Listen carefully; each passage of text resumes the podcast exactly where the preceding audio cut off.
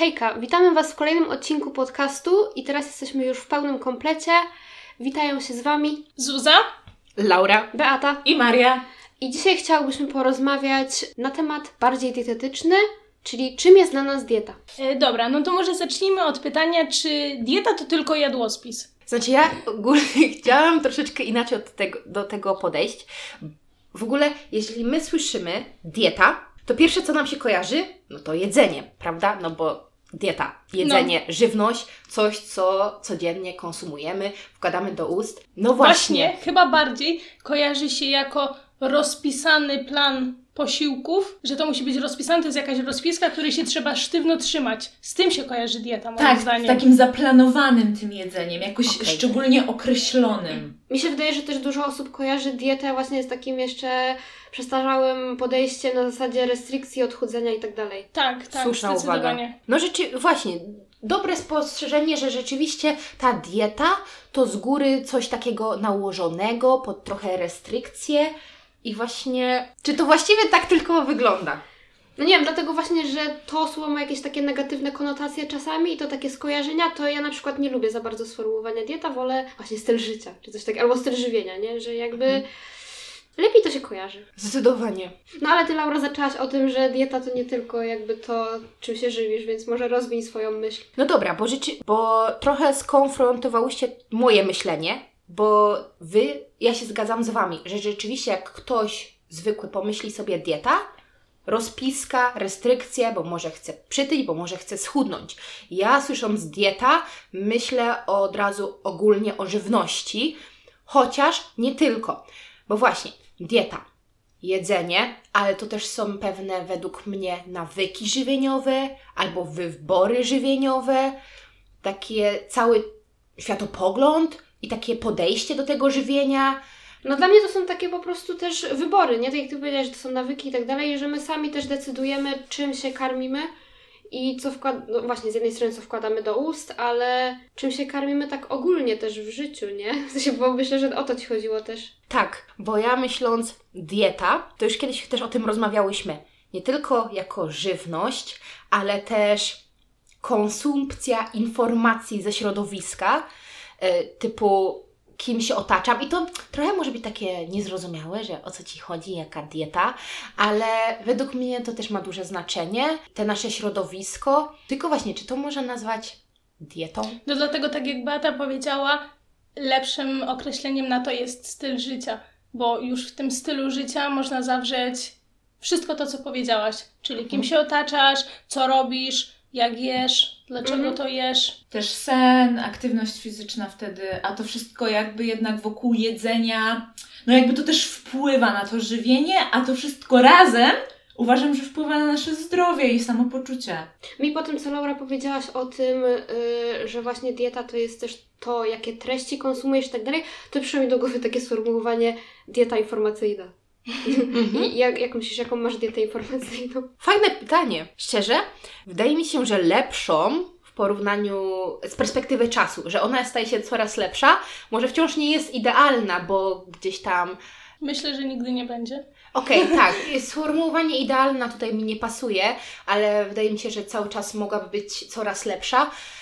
Bo tak jak w żywieniu, nie? W sensie, nie chcę Ci przerywać, ale tak jak w żywieniu, no nie chcemy dążyć do tego ideału, nie? Tylko do czegoś, co będzie nam po prostu służyło. Dokładnie. To też takie właśnie małe kroczki, typu co mi służy, co mi służy w jedzeniu, że okej, piję rano na czczo i widzę, że nie służy mi. To nie kontynuuję tego, tylko zmieniam jakiś tam pewną stronę, w jakimś innym momencie dnia wkładam sobie tą kawę i okej, jest spoko. To nie oznacza, że muszę ją eliminować. To tak samo social media. Widzę, że coś mi nie służy, coś mnie tak triggeruje, czyli widzę coś albo czytam coś, rozumiecie? Mhm. To co w takim razie konsumujesz po przebudzeniu, czy raczej pozostajesz na czczo do którejś godziny, jeżeli chodzi o informacje? Okej. Chodzi Ci o social media? O, O wszystko. wszystko. O wszystko, co rano konsumuję? Tak. O. No dobra, to rano staram się nic nie konsumować, jeśli chodzi o takie informacje zewnętrzne. E, Bardziej odbieram sygnały z mojego wnętrza, e, co się dzieje aktualnie w mojej głowie. Wiecie, chodzi mi tutaj na przykład o taką medytację i gdzieś jakiś e, stres, natłok myśli, żeby najpierw w pierwszej kolejności to ogarnąć. No i idąc dalej tokiem myślenia diety informacyjnej. Ja to traktuję tak, że mm, staram się trochę weryfikować, kim się otaczam. Patrzę sobie czasem na takie moje autorytety, że one dają mi pewną wartość w moim życiu, ale oprócz tego są różne konta, które mm, czasem w tej dietetyce nie do końca mm, wszyscy mają te same poglądy. I potem właśnie jest takie, kogo słuchać, kto ma rację. I tutaj na przykład, nie wiem, co wy myślicie, z mojej perspektywy, warto czasem otaczać się różnymi osobami, patrząc na pewien problem z różnych perspektyw. Ja się z Tobą zgodzę, bo y, mamy taką tendencję do tego, żeby otaczać się właśnie osobami, które mają podobne poglądy, że jakby jesteś w swojej bańce, że to jest takie komfortowe, nie?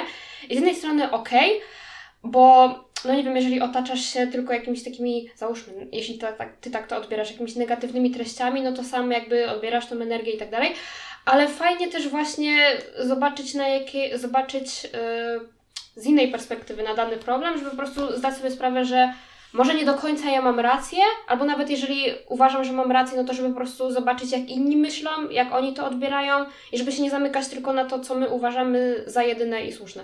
Ja tak sobie myślę, że yy, jak Laura powiedziała o tych autorytetach, no to tak jak też powiedziała, że yy, autorytety często mają jakby na ten sam temat mm-hmm. dwie różne opinie. No, ja I fajnie jest y, na to spojrzeć, że, znaczy ja akurat tak uważam, że y, jeżeli jedna osoba mówi coś jakby zupełnie przeciwnego co druga osoba, ale z tej samej branży i na ten sam temat i jakby obie osoby są specjalistami, no to żeby umieć wyciągnąć y, prawdę od jednego i od drugiego, bo nie wątpię, że u jednego i u drugiego jest ta prawda, tylko że albo trochę inaczej sformułowana i e, właśnie chodzi o to, żeby wyciągnąć, żeby też coś dla siebie. Coś dla siebie, mhm. dokładnie. No, no, ja jeszcze tylko chciałam się wypowiedzieć, bo ja też obserwuję jakby mm, dwa, uważam, wielkie postacie w dietetyce, które mają zupełnie dwa różne zdania i jest czasami, powiem Wam, że strasznie ciężko jest mi obserwować tego, który ma odmienne zdanie niż ja. Że jak ja czytam jego treści, to aż mną zdryga po prostu i aż się trochę wewnętrznie oburzam, że jak taka osoba może tak mówić. I no dla mnie jest to strasznie ciężkie, żeby, żeby założyć, że on też może mieć rację. Tak? Dla mnie to jest chyba aż niewykonalne. No bo to jest trudne, jeżeli ty jakby utożsamiasz się z jakimiś poglądami, no w coś wierzysz i nagle wiesz, musisz to, bo to wymaga dużej energii, że okej, okay, skonfrontować się z takim dyskomfortem, że może nie do końca mam rację. No właśnie. Ale to też zależy od tego, co ta osoba mówi, bo jeżeli ona w ogóle jakby opiera swoje poglądy, to co wstawia w sieci na czymś, co jest, nie wiem, załóżmy mitem jakimś, no to jakby niespoko, nie? Ale z drugiej strony to też pokazuje, jak są na przykład, załóżmy, dwa autorytety, dwa różne poglądy, że może właśnie nie ma tej jednej prawdy, tylko mm. po prostu, nie, że nic nie jest czarno-białe, tak? No, że to, tak jest Że to też. trochę zależy, żeby też właśnie nie zamykać się, że okej, okay, to jest jedna, jedyna prawda, żeby też czasami, no, otworzyć się na to, że to może nie do końca tak świat wygląda, nie? Że nie jest czarno-białe. Na pewno są tematy, w których po prostu jeszcze nie ma jednoznacznej odpowiedzi mm -hmm. i dlatego się tworzą na przykład dwa obozy. Dla mnie to jest bardzo ciekawe, bo ja mam Wręcz przeciwnie. Ja na przykład przez długi czas myślę jedno i okej, okay, oglądam osoby, które również, załóżmy, przedstawiają pewien temat w jeden sposób, ale trafiam nagle na kogoś zupełnie odklejonego, jak tak sobie pozwolę powiedzieć, przedstawiający inny punkt widzenia. I ja podchodzę zawsze do tego z taką ciekawością, takie, o kurczę, ciekawe, a może jednak coś w tym jest. I wiecie, to nie jest tak, że okej, okay, to teraz jemu, im już nie wierzę, temu nowemu wierzę. Nie. Jakby ja lubię właśnie obserwować sobie pewien, pewne tematy z różnych, czasem też wręcz takich kontrowersyjnych, dziwnych stron. I dla mnie to jest takie bardzo poszerzające moją perspektywę i wiele mi daje w kontekście takiej przyszłej pracy. Bo y, tak jak wiemy, na przykład, tak szybko wtrącę, mm. temat czerwonego mięsa w dietetyce jest wręcz z jednej strony bardzo burzliwy, z drugiej strony oglądam dietetyków, którzy pochwalają czerwone mięso i nie mają nic przeciwko i są takie obozy za i mhm. przeciw.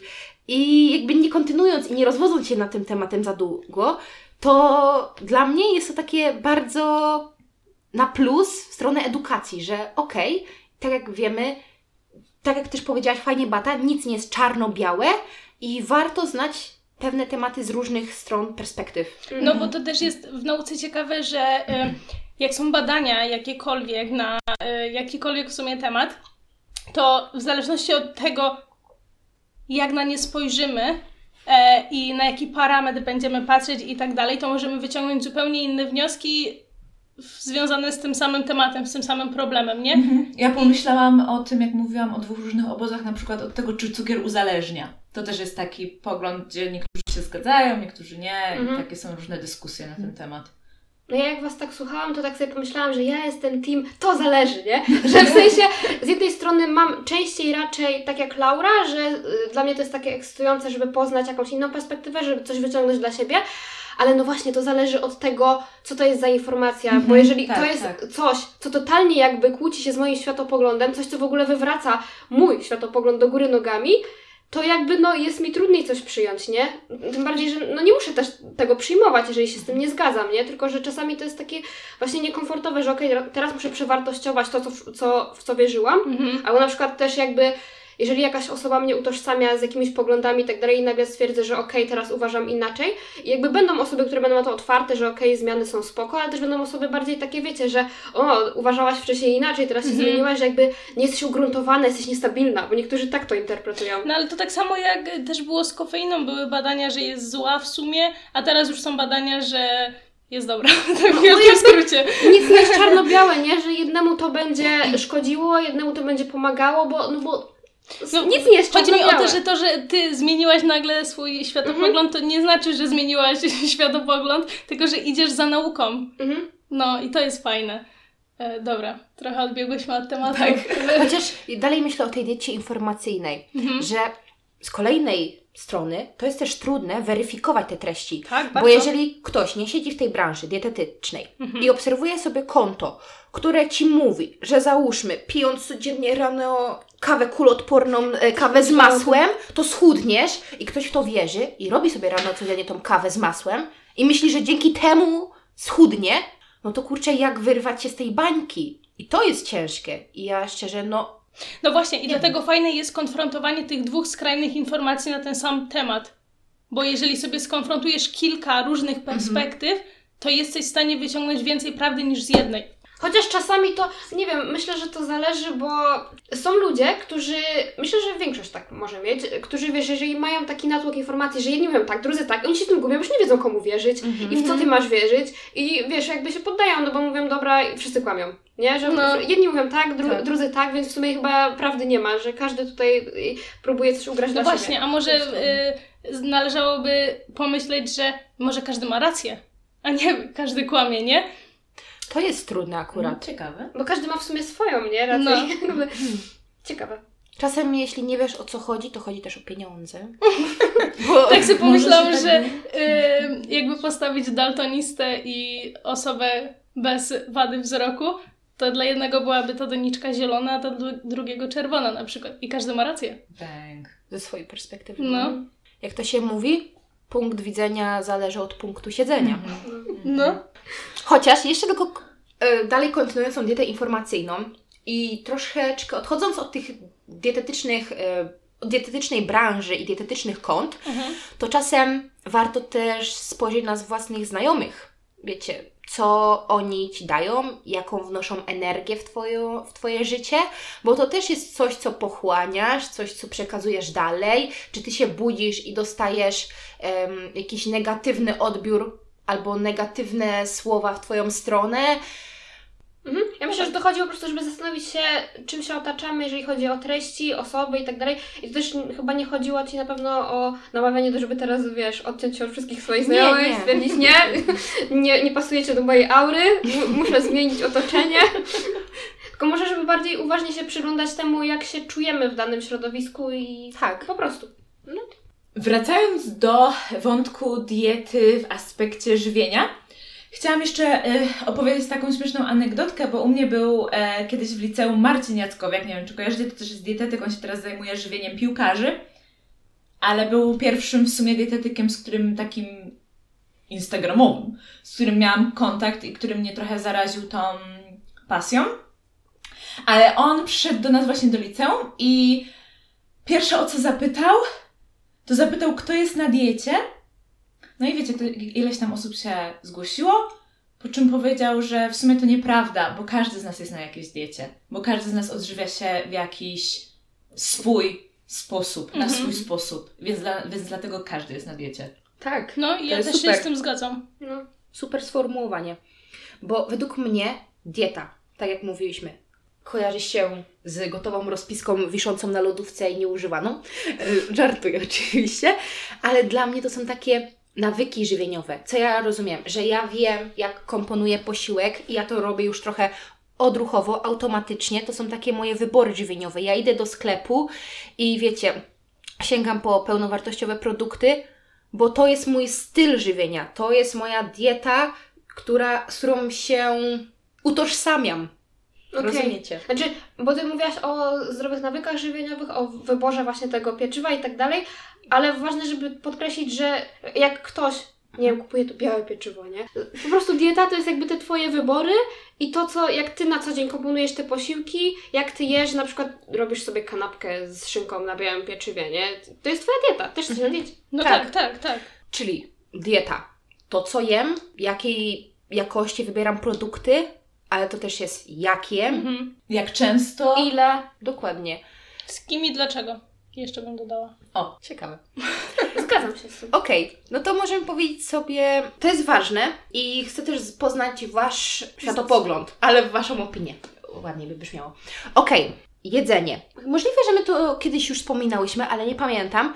Jedzenie, a wiązanie to z jakimiś emocjami. Jedzenie emocjonalne, o to Ci chodzi? Może nie emocjonalne, że nie zaje, że nie... Jedzenie pod wpływem emocji. Nie, że po prostu jedzenie wiąże się trochę też z kulturą i z tym, jakie emocje nam towarzyszą podczas Trochę jedzenia. tak, bo ja po prostu ostatnio usłyszałam takie fajne sformułowanie, że jedzenie to jest coś, co zasila Twój organizm i jakby nie wiążesz z tym żadnych emocji. I tyle. Mhm. Jesz i trochę jakby tak zapominasz i żyjesz dalej i potem po prostu traktujesz to jak takie paliwo. Mm-mm. Nie zgadzam się. W sensie mm, z wypowiedzią tego kogoś, kto ci Właśnie- to powiedział. Znaczy nie, że ktoś mi to powiedział, tylko usłyszałam i tak zaczęłam się nad tym zastanawiać. Czy rzeczywiście powinniśmy do tego tak podchodzić trochę neutralnie, że jedzenie to jest po prostu paliwo dla mnie i nie utożsamiam z, tych z nim żadnych emocji? Ja uważam, Czy że... nie, no. czy nie byłoby wtedy łatwiej? No ja uważam, Nie że to wiem. zależy. W sensie, że nie powiedziałabym, że nie zgadzam się ogólnie tak z, z tym, co ktoś mówi, tylko ja osobiście, na moim jakby, że dla mnie to było nierozwiązanie. Uważam po prostu, że to zależy, bo są osoby, dla których wiecie, jakby smak, konsystencja, jakby nie, nie zwracają na to uwagi, po prostu jedzą, bo muszą jeść, tak? Że dla nich mogłoby, w sensie zna, słyszałam kiedyś od jednej znajomej coś takiego, że to było ciekawe, że ona w sumie byłoby dla niej łatwiej, gdyby nie było jedzenia, tylko byłaby jedna kapsułka, która by dostarczała Ci wszystkich składników odżywczych i tak dalej, że ona po prostu wolałaby tak funkcjonować, bo nie musiałaby jeść, nie? Mhm. Że jakby dostarczałaby sobie tych wszystkich rzeczy, bo jednak każdy musi z nas jeść. A dla mnie to była tragedia, bo jakby No wiecie, również. to by mi zabierało wszystkie te doznania smakowe, cały kontekst związany z Tylko, że to, kulturą, no właśnie, to by wszystkie, wszystkie kultury by musiały się odwrócić do góry nogami, bo No. praktycznie w każdej kulturze jedzenie jest bardzo ważne. Jakieś spotkania rodzinne, w ogóle jakiekolwiek spotkania, wszystko, co w sumie No. utożsamiamy, z, utożsamiamy z jedzeniem, musiałoby totalnie zniknąć. Mhm. I ja uważam, że to nie jest ani złe, ani dobre, jeżeli dla kogoś jedzenie jest tylko i wyłącznie paliwem, a dla kogoś jakby to jest coś więcej niż tylko paliwo. Po prostu każdy ma inaczej i ja bym nie, nie powiedziała, że to jest jakby lepsze czy gorsze, albo że właśnie powinniśmy traktować jedzenie neutralne, bo nie, bo po prostu to zależy od tego, od osoby, nie? Jakie ty masz potrzeby jak ty do tego podchodzisz. No, bo jednak odczuwanie emocji związanych z jedzeniem to też jest odczuwanie przyjemności, to też jest jakby Mhm. jakaś emocja i ona się wiąże ze smakiem, właśnie z konsystencją, to co powiedziałaś. No więc y, Czy też właśnie z, nawet z jakimiś takimi, no sentymentalnie możemy podchodzić do Mhm, jedzenia, mhm. nie? Kojarzysz z jakąś sytuacją i tak dalej, na przykład załóżmy ktoś je jakieś ciasto i on kojarzy je, że wiecie, że to upiekła mama i kojarzysz na przykład z jakąś Mhm. sytuacją z dzieciństwa i tak dalej. Nie uważam, że w tym jest coś złego, bo gdyby mi ktoś osobiście zabrał przyjemność z jedzenia, to by była dla mnie osobista tragedia. No. No. No bo dla mnie to jest mega ważna część życia i ja uwielbiam celebrować jedzenie i nie wiem, no uważam, że to jest po prostu ważne, ale nie musi to być ważne dla kogoś innego, nie? Mhm. Ale byłoby dziwnie. Ja mam do tego taki stosunek do rozwiązania. O, taki status do rozwiązania, bo nie wiem. Okej. Nie wiem, co do końca o tym myśleć. Że z jednej strony, czy takie nastawienie, jakie powiedziałaś, trochę nie, nie jest przyczyną takich problemów później właśnie zajadania, stresu, albo że coś się przejadania. Ja uważam, że może być. W sensie, że jeżeli wiesz, y, nad, nadbarnie skupiasz się nad tym, co jesz, bo jakby to może też wynikać z jakichś zaburzeń odżywiania, bo zaburzenia odżywiania to nie zawsze jest po prostu unikanie jedzenia czy kompulsywne obiadanie i tak dalej, tylko nadmierne skupianie się na tym jedzeniu, że jakby jedzenie przejmuje w ogóle kontrolę nad Twoim życiem, że jakby tylko o to chodzi, że nie możesz robić nic innego, tylko myślisz o jedzeniu, to może być, ale nie znaczy, że jeżeli ktoś jakby dla niego jedzenie jest ważne, to od razu wiąże się to z jakimś problemem. Bo jakby No, są też osoby, które, nie wiem, gotują zawodowo albo zajmują się kulinariami tak ogólnie, nie? Że jakby one ciągle są w tym, Mhm, w tej branży kulinarnej, ciągle myślą o jedzeniu, gotują i tak dalej. I to nie wynika z jakichś problemów wewnętrznych, tylko po prostu to jest ich pasja albo praca. Jasne, ja też nie chcę mówić, że nie zgadzam się, tylko lubię rzucać sobie takie czasem Mhm. pytania, które nawet, na które nawet jeszcze nie znam odpowiedzi, ale tak pobudzają do jakiejś takiej innej refleksji i spojrzenie na ten temat jeszcze z innej strony. Więc Więc, bo Twoje zdanie, że jedzenie jest tylko paliwem, kojarzy mi się z tym, że obojętnie jak co smakuje, ważne, żeby miało dużo wartości i ja będę to jeść. I jakby ja sobie tak totalnie Mhm. nie wyobrażam po prostu, ja bym chyba nic nie jadła. No ja chyba też. Mm, Bo jeżeli ja mia miałabym pomyśleć, że mam jeść, nie wiem, załóżmy jakąś papkę bez smaku albo karton bez smaku i zapachu, byleby miało to wartości odżywcze, no ale to... myślicie, że bo produkty bogato odżywcze są bez smaku? Trochę tak trochę, ja ale- wiem, ja wiem, ale trochę tak to tak spłycamy, nie? Że tak wiesz. Niby No tak, ale nie, to bo jest... jeżeli miałoby się to wiązać, właśnie miałoby się to nie wiązać z żadnymi emocjami, no to nie mogłoby to mieć żadnego smaku, zapachu, ani jakiejś takiej określonej konsystencji. Tak, bo one już wywołują w tobie jakieś doznania emocjonalne. No. Wiecie co, ja mam wrażenie, że y, próbujemy trochę znaleźć jakby jednoznaczną odpowiedź, a ja myślę, że powinnyśmy zakończyć na tym, że właśnie nie ma jednoznacznej odpowiedzi, że to wszystko zależy, bo ty powiedziałaś, że to jest dla ciebie trochę do rozwiązania, że ma, nie wiesz po prostu jak do tego podejść i okej, jeżeli ty masz neutralne podejście do jedzenia i dla ciebie byłoby tylko paliwem, to jest okej. To, że dla kogoś nie jest tylko paliwem, to jest okej. I nie uważam, że jakby trzeba znajdować jakiś punkt wyjścia na zasadzie, że to jest dobre, a to jest złe. Nie? Że jakby każdy ma po prostu inaczej, tak jak z Prawda. dietą, tak ogólnie, albo z treningami, jak wcześniej gadałyśmy, to trzeba dopasować do siebie. Bo y, mi chodziło, że jakby była na przykład osoba, która nie lubi pełnoziarnistego makaronu, tylko lubi ten biały i ona teraz ma potraktować jedzenie tylko jako paliwo, więc przeniesie się na ten pełnoziarnisty, który jej totalnie nie smakuje, no to, no to właśnie, jakby to jest y, dla mnie perspektywa myślenia o jedzeniu jako o paliwie, tylko Mhm. i wyłącznie. Jeżeli robimy to kosztem I tu- smaku, no to... Tu też będą emocje. To też będzie emocjonalne jedzenie, No bo tu będą negatywne emocje z kolei, bo i to nie będzie smakować. Będzie Co jadła nieszczęśliwa. No, czy Najgorsze, najgorsze co, co może być. Okej. Po to jesteśmy w czwórkę, żeby każda mogła wypowiedzieć własne, czasem odmienne zdanie. Oczywiście, że tak. Dobra, dziewuszki, według mnie musimy tutaj nadmienić o stylu życia. Mhm.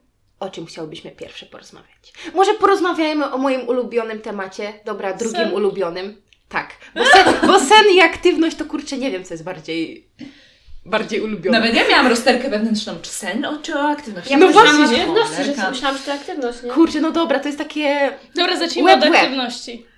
Ach, no dobrze. No to co? Aktywność. Nieodłączny element naszej codziennej diety, stylu życia. Mhm. No i co na ten temat powiecie? Uważam, że em, aktywność fizyczna powinna być w stylu życia każdego.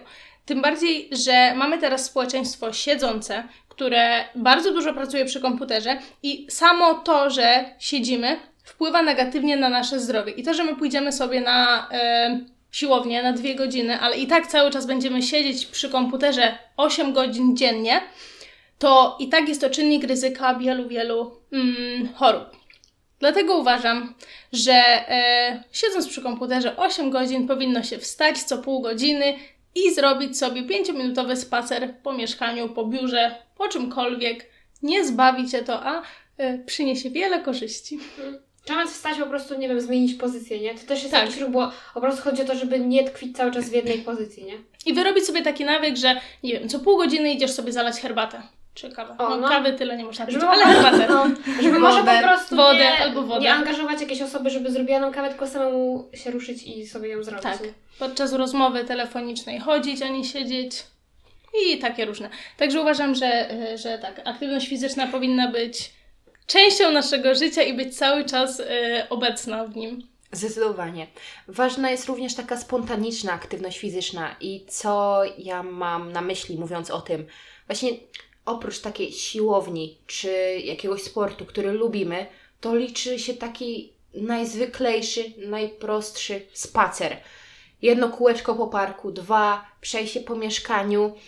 Mm, Czy nawet y, stanie w tramwaju, a nie siedzenie, bo tu nawet nie chodzimy, tylko Mm, tak. stoimy, ale nie siedzimy już. Bo wiele ludzi sobie nie zdaje sprawy, że y, no to, że właśnie my pójdziemy na siłownię y, na dwie godziny, czy pójdziemy pobiegać dwie godziny, czy na basen dwie godziny, cokolwiek, jakąkolwiek aktywność, ale cały czas będziemy siedzieć, no to wiadomo, fajnie, że to robimy, ale y, i tak jesteśmy obciążeni jakimś ryzykiem, nie? Tak, ja chciałam powiedzieć o tym, że zauważyłam też u siebie i to może być w sumie fajny tip, że jeżeli ty już czekasz na ten autobus i tramwaj, to już nawet nie, żebyś nie siadał, tylko stał, ale ja zawsze popitalam po tym przystanku w jedną, w drugą, tu robię jakieś kółko, tu przejdę gdzieś do jakiegoś kwiatka i z powrotem, no po prostu chodzę non stop i to też może być jako twój codzienny spacer, jako twoja a, spontaniczna aktywność fizyczna. Mhm. Ja mogę dodać od siebie coś, co staje się teraz coraz popularniejsze, co zauważam właśnie mm, wśród tam jakichś bardziej znanych osób, które się tym dzielą. To jest też pracowanie na stojąco przy biurku. E, czyli dzięki temu, że ktoś może mieć biurko regulowane albo może sobie troszeczkę wysta- e, ustawić wyżej komputer, To To są ty- też takie podkładki pod laptop. tak, albo O, podkładki, podnoszą. to też jest fajne. Lub e, już tak naprawdę dla osób zaawansowanych, które mogą sobie na to pozwolić, nawet bieżnia pod biurkiem. No tylko to też zależy od człowieka, No, bo ja bym się oczywiście. nie umiała skupić Ja na też. stojąco i chodząc, Ja to już też. tym bardziej. Chociaż słyszałam, że po tam 5-10 minutach dosłownie ty zapominasz, że chodzisz. Też Od- słyszałam. ja też tak, ale słyszałam, ale no, Trochę nie jestem przekonana. Ja, Ja w sumie mam Musiałabym doświadczyć. Chociaż to fajny prostu. patent. Ja mam tak, że jeżeli chodzi o jakąś pracę przy komputerze, to nie wyobrażam sobie, żebym stała, ale na przykład jeżeli robię coś na telefonie, to jestem w stanie, nie? I jakby też wolę właśnie chodzić w trakcie, albo po prostu stać, jak robię coś na telefonie, żeby cały czas też nie siedzieć, nie? I na przykład jak mówiłyście o tym mm, przystanku, to ja mam też taki nawyk, że jakby nie robię tego intencjonalnie, po prostu jestem niecierpliwa, że jak widzę, że na przykład na danym przystanku zostało 8 minut do autobusu czy do tramwaju, to ja po prostu idę na kolejny przystanek Mhm. bo mi po prostu szybciej zleci ten czas i też jakby się poruszam, nie? Mhm, Więc tak. wolę sobie dojść niż czekać. To jest Mhm. fajny, właśnie taki. No, Taka wskazówka Tak, fajna. gorzej jak pójdę i nie zdążę na ten kolejny przystanek, to wiecie, to wtedy już tak trochę słabo. Ale z Wtedy reguły, idę na jeszcze kolejny. tak, ale z reguły staram się dobrze oszacować ten czas i, i wychodzi mi to. A czasami jest tak, że idę i w sumie się zagapię. Wczoraj tak miałam, że stwierdziłam, że pójdę na kolejny przystanek. I w sumie to doszłam po prostu pieszo do domu, cały, jakby nie jechałam w ogóle autobusem, nie? Miałam chyba pięć przystanków i tak sobie, no dobra, w sumie jak już jestem na tym, to sobie pójdę już pieszo do domu, nie? Ale coś w tym jest, bo też tak miałam, okej, przejdę te dwa przystanki i potem już przejadę, ale potem zaczęłam słuchać jakiegoś podcastu i tak mi się dobrze słuchało, że już w sumie doszłam też pieszo do domu, No. więc... Bo ja na przykład mam tak, bo ty też powiedziałaś o tym intencjonalnym spacerze, żeby zrobić tak kółko po parku czy coś. A na przykład fajnie, nie? Że ja lubię bardzo spacerować, ale na przykład jak wiem, że jest jakaś taka beznadziejna pogoda i nie wiem, jest zimno, jest zima i ciężko mi wyjść z domu, albo nie mam jakiegoś takiego, wiecie, celu, po co mam wyjść z domu, no to prawdopodobieństwo, że wyjdę na ten spacer, jeżeli sobie tego nie założę wcześniej, nie wpiszę sobie w kalendarz, załóżmy, to raczej nie wyjdę, nie? A jak na przykład jestem już na przykład na mieście i wiem, że robię y, zakupy, no to już sobie mówię, dobra, przejdę sobie gdzieś tam dalej, już pieszo nie podjadę, bo wiem, że raczej nie wyjdę dzisiaj z domu, żeby jak już jestem na tym mieście, to żeby wtedy zrobić ten spacer, a nie żeby tak intencjonalnie wyjść z domu, nie? To też jest spoko, ale wiem, że u mnie to czasami się nie sprawdzi. Że jak sobie powiem teraz, dobra, teraz wychodzę, to może zależeć od pogody, nie? No i ja tak sobie jeszcze teraz myślę, że em, żyjemy właśnie w bardzo zabieganych czasach i ludzie nie mają czasu na to, żeby iść na ten spacer. Nawet ja tak czasem po sobie widzę, że em, no teraz to akurat więcej spaceruję z pracy do domu, bo nie mam tramwaju. Ale jak jeździł mi tramwaj, mm, to ja sobie tak myślałam, ładna pogoda, cieplutko, przejdę się. A potem mówię, jutro mam na siódmą, do, na ósmą na studia, kończę o dwudziestej tam pierwszej powiedzmy, podjadę, bo będzie szybciej Mm. i już nie zrobię tego spaceru, bo już pójdę spać. Ale czasami paradoksalnie takie utrudnienia w stylu, że nie masz już tego tramwaju, Tak. to ułatwiają podjęcie tej aktywności Tak. fizycznej, nie? Bo jakbyś miała, no to byś pojechała, ale jak nie masz, no nie masz wyjścia, po prostu musisz dojść. No, w sensie teraz mam y, autobus, na który i tak Mm. muszę iść 6 minut. y, I on jedzie 5 minut, więc w sumie wychodzi 11, a idę jakieś 17, Mm. więc no częściej jak po prostu nie ma takiej chlapy na dworze i nie jest tak brzydko, szaro i ponuro, to idę nawet jak jest zimno. Mhm. No, także aktywność fizyczna jest bardzo ważna. No, No, i jest co z tym ważna. snem, Pani Lauro? Nasz Sen. ekspercie. Wołana do tablicy. O, no przestańcie. No dobra, według mnie my nadal bagatelizujemy rolę snu. Zgadzam się. Szczególnie ja. Tak, się. Szczególnie Maria. Tak, szczególnie ja. tak, szczególnie Maria. Chociaż, tak jak powiedziałaś, my naprawdę żyjemy w takim zabieganym środowisku. Coraz większa presja, coraz większe jakieś tam ambicje. I z jednej strony to jest dobrze, że ludzie mają te cele, mają ambicje, a z drugiej strony my właśnie zapominamy o tym, że jesteśmy żywym organizmem i potrzebujemy odpoczynku, potrzebujemy czasu na naładowanie energii i najbardziej korzystną porą jest noc, kiedy my pójdziemy spać i kiedy te wszystkie procesy regeneracyjne od takich najważniejszych narządów jak nasz mózg i to nie jest tak, że on wtedy się wyłącza i idzie spać, tylko on również pracuje, żeby oczyścić ten organizm, to my właśnie zapominamy o tym, takie, o dobra, tam, co tam ten sen? No właśnie ten sen często też nastawia nas na kolejny dzień. To czy czasem, mm, ja przynajmniej mocno zauważam po sobie, nie wyśpię się. Kolejnego dnia te nawyki, te wybory żywieniowe są też takie trochę utrudnione, mam jakieś ochoty na słodycze, jestem w ogóle jakaś taka mniej do życia.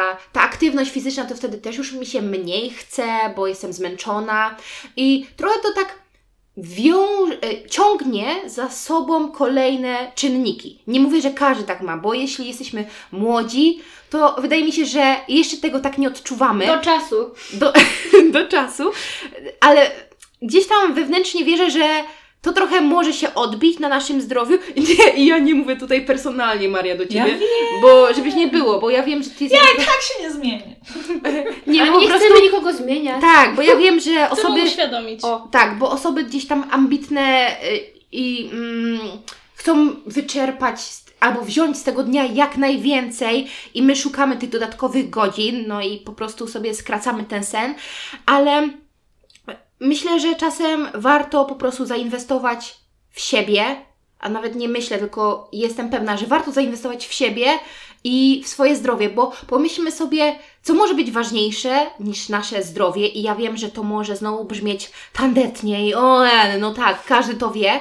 No tak, wiesz, ale i tak tego nie robisz, bo jeśli zabraknie Ci zdrowia, no to co potem Ci zostanie? Pieniądze, za które będziesz musiała odkupować, odkupo, no będziesz musiała, albo będziesz musiał odkupować sobie znowu te zdrowie, bo nic więcej nie zrobisz. I to jest takie, ja, według mnie, takie koło, które nie do końca ma sens.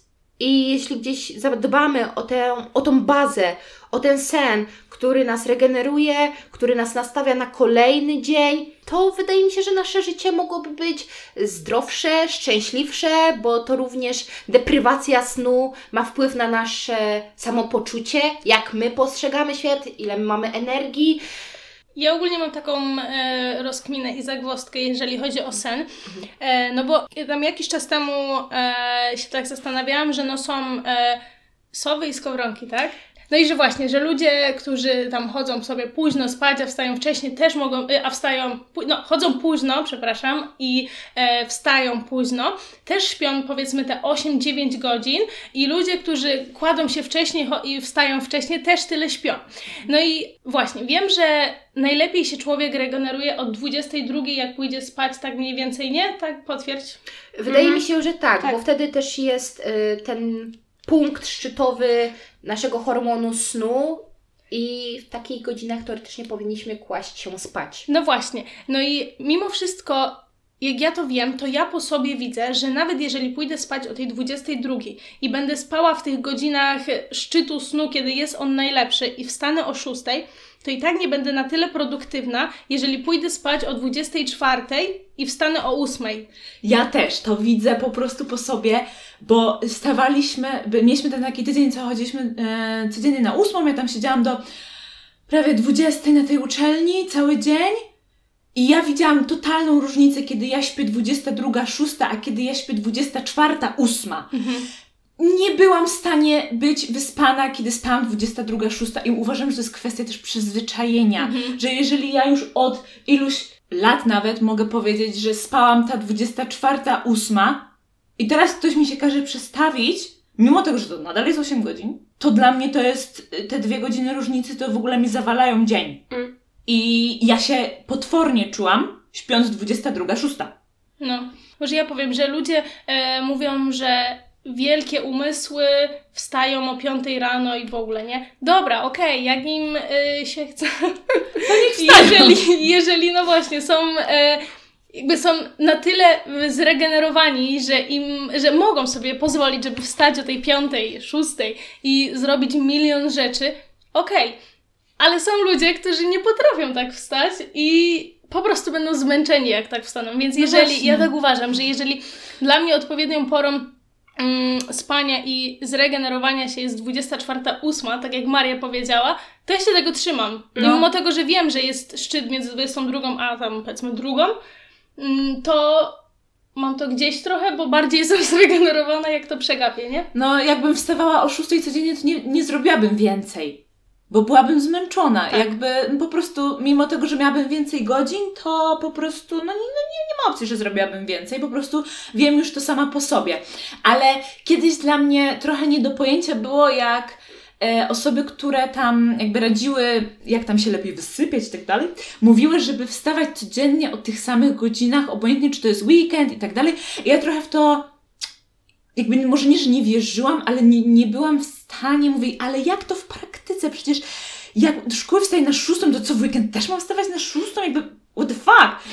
Ale teraz jakby jak już nie muszę wstawać o szóstej, tylko mogę sobie pozwolić na wstanie o ósmej, to rzeczywiście to doceniam i widzę, jak ta regularność tych godzin jest ultra ważna Mhm. i jakby pomocna mi w produktywności w ciągu dnia. Mhm. Ja chciałam się odnieść jeszcze, y, wracając do tego, co ty mówiłaś o tych chronotypach i tak dalej, że właśnie, bo te chronotypy to czasami ludzie rozumieją tak, że okej, jak ktoś jest y, sową, to chodzi spać, nie wiem, o trzeciej, czwartej nad ranem, nie? Jakby chronotypy są prawdziwe, ale to jest właśnie, bo ty mówisz, że idziesz o 24, wstajesz o 8. I to nie jest jakaś, wiecie, późna mega godzina, bo dla, dla kogoś właśnie, nie wiem, będzie spoko, jak ktoś pójdzie o 21, a kogoś o 24 i ktoś będzie tą sową lub skowronkiem i każdy ma inaczej, ktoś może być pośrednim typem. I na przykład tak mam, że jestem takim bardziej pośrednim. Ale no właśnie to jakby mega zależy od osoby, nie? I jakby, no, no nie lubię jak ktoś na przykład mówi, że y, ma inny chronotyp i jest sobą, dlatego chodzi o czwartej, no bo to jest po prostu niefizjologiczne Mhm. dla człowieka, nie? Mhm. Że jakby ty się regenerujesz w nocy. I też nie uważam, że ktoś ma na siłę się przestawiać z tej 24, 8, jeżeli czuje się dobrze, Mhm. że jeżeli u niego to się sprawdza na tą 22, 6, jeżeli Mhm. ma się właśnie męczyć, nie? Że właśnie są dwa mechanizmy tego, że z jednej strony to jest to przyzwyczajenie, tak jak Maria, ty mówiłaś o tym, a z drugiej strony, no to też jakby wymaga od nas takiego wysiłku, nie? Żeby zmienić te przyzwyczajenia, czasami czy, czy w ogóle jest sens, nie? Mhm. Że jeżeli to wdrażamy, Trochę, no, trochę właśnie nie mogę tego pojąć, dlatego mam tą zagwozdkę, że mm, no właśnie fizjologicznie jest w tej godzinie, ta 22 coś, a i tak jest wiele osób, które ta godzina nie służy. Nie mogę No, tego pojąć. ale Wiesz, patrz, co chodzi? jeszcze nastolatki też mają inaczej, że oni mają fizjologicznie przesunięty rytm dobowy, nie? Że jakby to Mhm. jest biologicznie, że one idą później spać Mhm. i później wstają, dlatego dla mnie od zawsze chorą godziną była ta ósma w Mhm, szkole, No. bo to jakby rozwala rytm dobowy nastolatków. Mhm. Bo oni fizjologicznie zasypiają później. Jak oni będą mieli na ósmą, to oni i tak nie zasną o tej 21, No jeżeli tak. nie są zwyczajni, tak nie? No, chciałam się chyba do czegoś jeszcze odnieść, ale już teraz nie mogę sobie przypomnieć, bo zaczęłyście bardzo dużo wątków. Okej. Okej, tak, bardzo dużo wątków. Ja tylko tak się uśmiechałam, ale musiałam to sobie spisać. I co do kilku rzeczy chciałam się odwołać. Po pierwsze, e, odnośnie samych chronotypów, to to jest już trochę takie gdzieś tam dalej badane, czy w ogóle te chronotypy istnieją, bo coś w tym jest, że każdy czuje się w innych godzinach lepiej. E, Ja miałam tylko taką e, dygresję, bo trochę też będę po, powtarzać to, co już Beata powiedziała. Też może być ktoś rozregulowanym skowronkiem. Mm. I to też ma taki pewien sens, że jeżeli Ty nie spróbujesz, to się też nie dowiesz. I czy to jeden dzień świadczy o tym, że Ty nie jesteś tym skowronkiem, bo po jednym dniu się czułaś niewyspana. Też kwestia według mnie trochę takiej takiego eksperymentu, trochę zadbania o ten dzień przez całość. Okej, a tydzień wystarczyłby? Ja bym tego nie robiła tak samo, jak ktoś mówi, że 21 dni wystarczy na jeden nawyk, nie? No, no, no, dobra, dobra, to dobra. zależy. Okej. Według mnie też zależy, ciężko Ci powiedzieć, bo może ktoś po trzech dniach już y, się tak przestawi, że ten rytm dobowy się unormuje i będzie się czuł lepiej wcześniej wstawając, tak? Mhm. Jeszcze y, Ci powiem, że em, miałam, że po pierwszym dniu wstawania wcześniej, czyli o 6, pierwszego dnia jak wstaję o 6, to się czuję super. Drugiego dnia jest dramat, nieważne o której pójdę sp- e, spać, poprzedniego dnia i każdy kolejny dzień jest gorszy. Okej. Mogę mieć podobnie. Że tylko pierwszy jest faktycznie dobry, Mhm. czuję, że jestem wyspana, że jestem produktywna, że mogę robić wszystko, a każdy kolejny dzień jest coraz gorszy. Okej, rozumiem. Bo wracając do tego, że Ty powiedziałaś, że chodzisz spać 24, 8, Mhm. to według mnie, dobrze, to nie jest jakieś mega super ym, godziny do spania, ale według mnie to też nie są jakieś super najgorsze, bo w 24, 8 to nie jest bardzo też późno. Bo jeżeli właśnie, Ty powiedziałaś, Bata, trzecia rano, to ja już miałam takie która, która, to to by mogła być taka troszeczkę już przerażona. Ale ta 24, że nadal idziemy jeszcze przed tą północą, to jest naprawdę według mnie i patrząc na ten nasz młody wiek, że dużo rzeczy chcemy zrobić w ciągu dnia, optymalna godzina. Ja już bym nie narzekała. Dzięki. Mm, I tym bardziej, jeżeli wstajesz i dbasz o tą jakość snu, że o te wyciszenie trochę przed snem i rzeczywiście budzisz się rano i czujesz się dobrze, okej, jeśli to Ci służy, w porządku. Jeśli miałabyś możliwość trochę przetestowania i sprawdzenia, czy jeżeli gdzieś y, w ciągu dnia zadbam o aktywność, o tak wyjątkowo, znaczy nie wyjątkowo, ale odpowiednio wcześnie zjem kolację, przygotuję się do tego snu, y, troszeczkę ograniczę bodźce zewnętrzne, położysz się szybciej, czy wpłynie to jakoś na mnie, czy poczuję się jakoś inaczej, przetestuję to przez, to przez kilka, kilkanaście dni, okej, nie służy mi, dobra, wracam do mojego takiego starego rytmu, a może jednak odkryję, że okej, to mi służy, to zmienię? I wiesz, tu nie chodzi o zmienianie całego takiego rytuału snu o 180 stopni, ale może jakieś takie małe kroczki w polepszaniu. Mhm. czyli trochę redukcja jakichś bodźców zewnętrznych, mm, zadbanie o taką jakość, bo właśnie jedno to jest długość i ktoś może mi powiedzieć, o spałem, nie wiem, druga, dwunasta, 10 godzin, wyspałem się, świetnie się czułem, ale tu znowu okej, długość długością, a jakość tego snu, hmm, do zastanowienia się. Mhm. No bo w sumie, bo ty powiedziałaś o, bardzo dużo o tej higienie snu, nie? I ja mam wrażenie czasami tak y, po prostu w życiu, jak się spotykam, że ktoś mówi, że no spałem 8 czy 9 godzin i tak się nie wyspałem, więc w sumie niezależnie od tego, ile śpię, ja się nie wysypiam. I ktoś właśnie nie zwraca uwagi na tą całą otoczkę, nie? Że właśnie to nieprawda, że się wyśpię, jak będę spał dłużej, bo i tak się nie wyśpię, nie? I jakby ważna jest ta higiena, czy ktoś właśnie wyciszy się przed snem, czy będzie tak, że będzie siedział na telefonie do ostatniej godziny, do ostatniej minuty w niewywietrzonym pomieszczeniu i możesz spać 10 godzin i się nie wyśpisz, nie? Tak, Mhm. dokładnie. Dalej chciałam tylko em, powiedzieć o tym wątku wstawania o 5 rano, bo to jest kontrowersyjne, bo, bo nie trzeba wstawać o 5 rano. Nawet powiem więcej, nie trzeba wstawać o 6 rano. Tym bardziej, że my mamy różne pory roku i ten nasz rytm dobowy, biologiczny się zmienia. I to jest normalne, że latem jesteśmy bardziej troszeczkę z predyspozycją do wstawania wcześniej, zimą, gdzie jest szybko ciemno, dłużej jest ciemno, my śpimy dłużej i to też jest naturalne, biologiczne. Więc jakby obalam to, że jeżeli ktoś nie wstaje o piątej czy szóstej, to nie jest na pewno ambitny, nie ma żadnych wizji, celów życiowych. Nie, ty możesz wstać o siódmej i twój dzień może wyglądać super. Ty możesz nawet wstać o ósmej, a zaczynać dzień o dziesiątej, bo po jakiejś tam swojej porannej rutynie, śniadanku, coś. I nadal może być ekstra.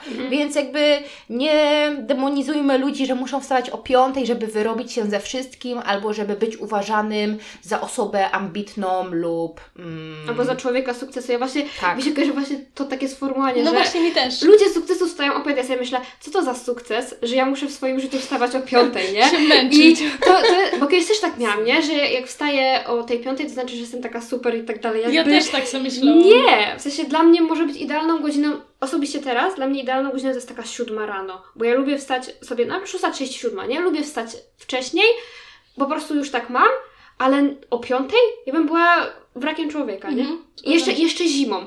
Piąta rano to jest dla mnie noc. Dobrze, to ja powiem tak, że ja lubię wstać o piątej. Już e, kiedyś śmiałam się, bo jak cofam się w moim jakimś tam starym zeszycie, to mam wstawać sama bez budzika o piątej, taki cel życiowy, nie? No i teraz nie jest to dla mnie jakieś bardzo duże utrudnienie, bo już tak trochę się przyzwyczaiłam i wstaję o tej piątej i dobrze mi się funkcjonuje. Oczywiście to jest bardzo ważne u mnie, jak wcześniej położę się następ- wcześniejszego dnia po prostu, której godzinie, jak się przygotuję pod ten sen. Ale nie jest to dla mnie bardzo trudne, chociaż są dni, kiedy śpię do siódmej i też mm, nie mam z tym większego problemu i jest fajnie, bo czasem po prostu tak potrzebuję. Ale już mm, odchodząc od samych pór wstawania, chodzenia spać, to jeszcze chciałam powiedzieć o tym, co Maria powiedziała, czyli o tej regularności, bo to jest też turbo ważne, bo my mamy tak właśnie, mm, albo bardziej ja w liceum to odczuwałam. Szkoła, to wiadomo, wstajesz szybciej i trochę tak z przymusu, a w weekendy trochę to chcesz odespać i ciągle to jest takie zabieranie, deprywacja snu yy, w ciągu tygodnia, wiecie, ogarniania życia i potem w weekend odespać i gdzieś znalezienie tego swojego balansu i rytmu dobowego i to jest taka niekończąca się e, próba nadrobienia snu. Mhm. Więc znalezienie tego swojego rytmu, też pozwolenie sobie na to, bo wiecie, praca i te różne czynniki też nam czasem nie pozwalają i to też jest taka trochę szara rzeczywistość, że my mówimy o takich idealnych warunkach, No. a ktoś pracuje na zmiany, y, co tydzień co innego, w, w różnych godzinach i kurczę, gdzie tu znaleźć jakikolwiek balans i jak sobie z tym poradzić? No jest ciężko, ale do takich też można. Wydaje mi się, że w każdej sytuacji można w pewien sposób zadbać o ten sen, tylko to też wymaga no, wymaga siły, siły trochę woli, no bo to jest męczące, wiesz, pracujesz w noc, masz nockę i ty jeszcze musisz dodatkową energię poświęcić na coś, żeby sprawić, żeby ten sen był lepszy. Mhm. To jest trudne, bo nikt nie powiedział, że będzie wszystko takie łatwe.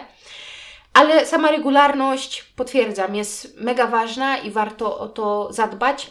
Mm, I tylko chciałam jeszcze wspomnieć o tym, że każdy jest inny, y, każdy jest indywidualny i nasze hormony również różnie się wydzielają. I to, że ktoś powiedział, że okej, hormon wzrostu najbardziej ma szczyt y, wydzielania o 24 Mhm.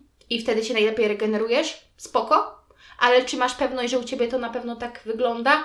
No nie wiesz, nie? No. Bo Może skąd masz wiedzieć? 24.30. Tak samo są wiele różnych badań, że na kimś to się sprawdza i teoretycznie my wierzymy tym badaniom, bo ktoś to przeprowadził, bo ktoś to sprawdził, Mhm. ale na stówę znajdzie się ktoś, jakaś indywidualna jednostka, no której to nie będzie służyło. Mhm. I jakiś wyjątek od reguły.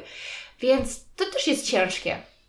No ja myślę, że to wszystkim chodzi o to, żeby patrzeć indywidualnie na człowieka, jak na człowieka, a nie jakąś maszynę, robota, czy jakiś przypadek w jakimś badaniu, nie? Że jakby tak sztywno do tego podchodzimy, że okej, jest tak i tak, y, powi- o 24 powinno ci się wydzielać na przykład jak wiesz, w tym hormonie wzrostu, a jak u kogoś na przykład wydziela się o pierwszej, to znaczy, że dobra, coś z tobą jest nie tak, że ty jesteś...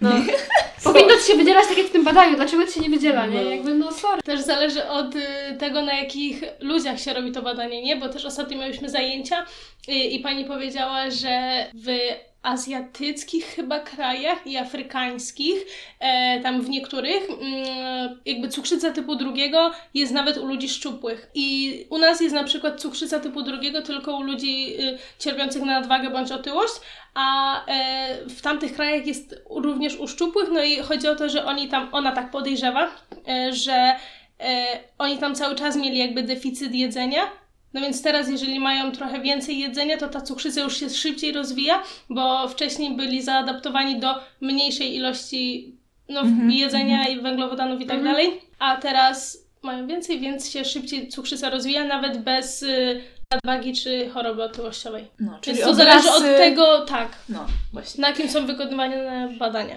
Aha, ja chciałam jeszcze tylko dopowiedzieć e, szybko do Twojego Laura Toku wypowiedzi, że I w sumie chyba Beata też trochę to powiedziała.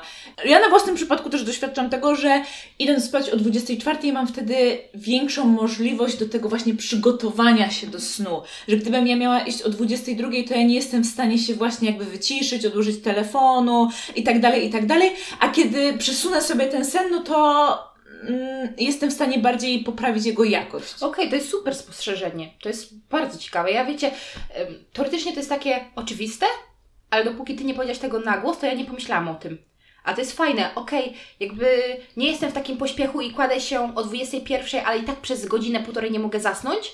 Tylko okej, kładę się 23, ale te ostatnie godzinę, półtora, gorąca kąpiel, jakaś tam ostatnia filiżanka em, ciepłej wody, coś, wyciszam się ciemno w pokoju.